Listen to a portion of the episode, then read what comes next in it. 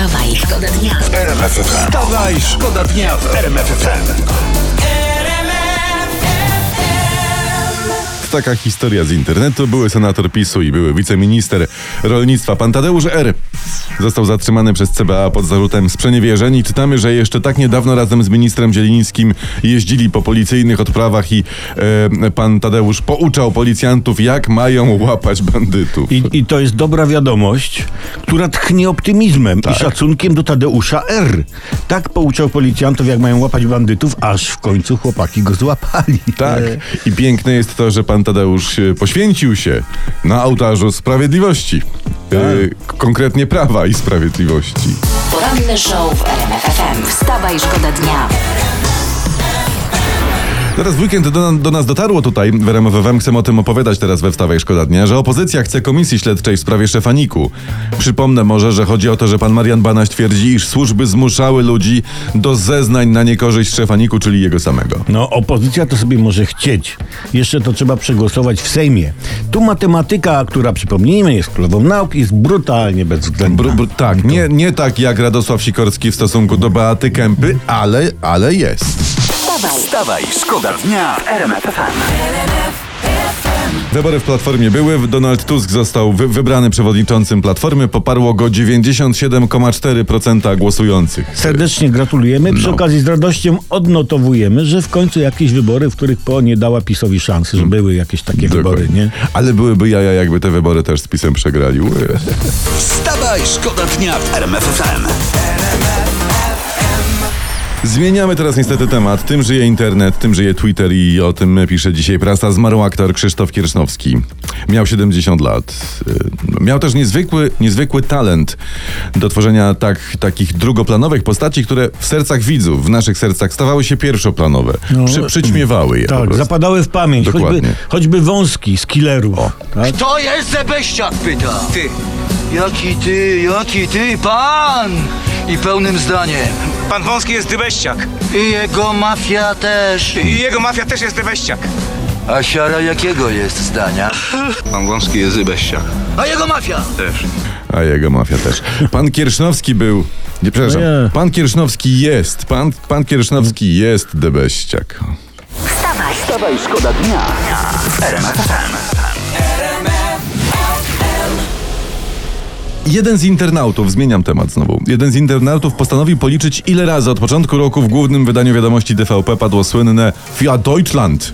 Dla Niemiec, to tłumaczę. Wypowiedziane przez Donalda Tuska i od, otóż uwaga, od stycznia do teraz 97 razy Für Deutschland było. Oj, to do końca roku e, e, pę, pęknie setka coś Spokojnie, spokojnie. No ale to jest, żeby się utrwaliło, no to jest właśnie jedna z ról telewizji publicznej, no pogłębiać wśród widzów znajomość języków obcych. Właśnie, nie dankujcie. Das wam się należy, fear you. Wstawaj, szkoda dnia w RMF FM.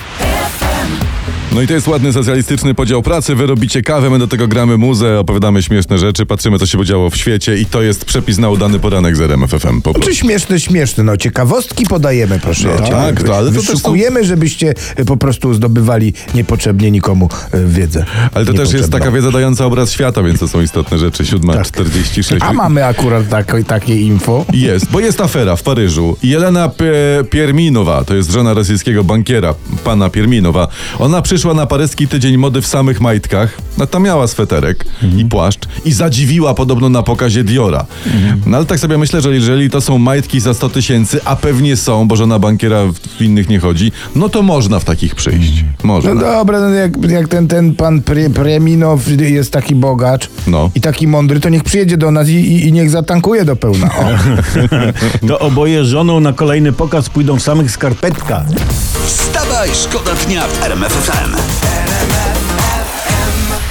Bardzo ważna informacja. Przyszła do radia pani dyrektor i przyniosła płytę pod tytułem Rezonans magnetyczny yy, kolana. Kolana.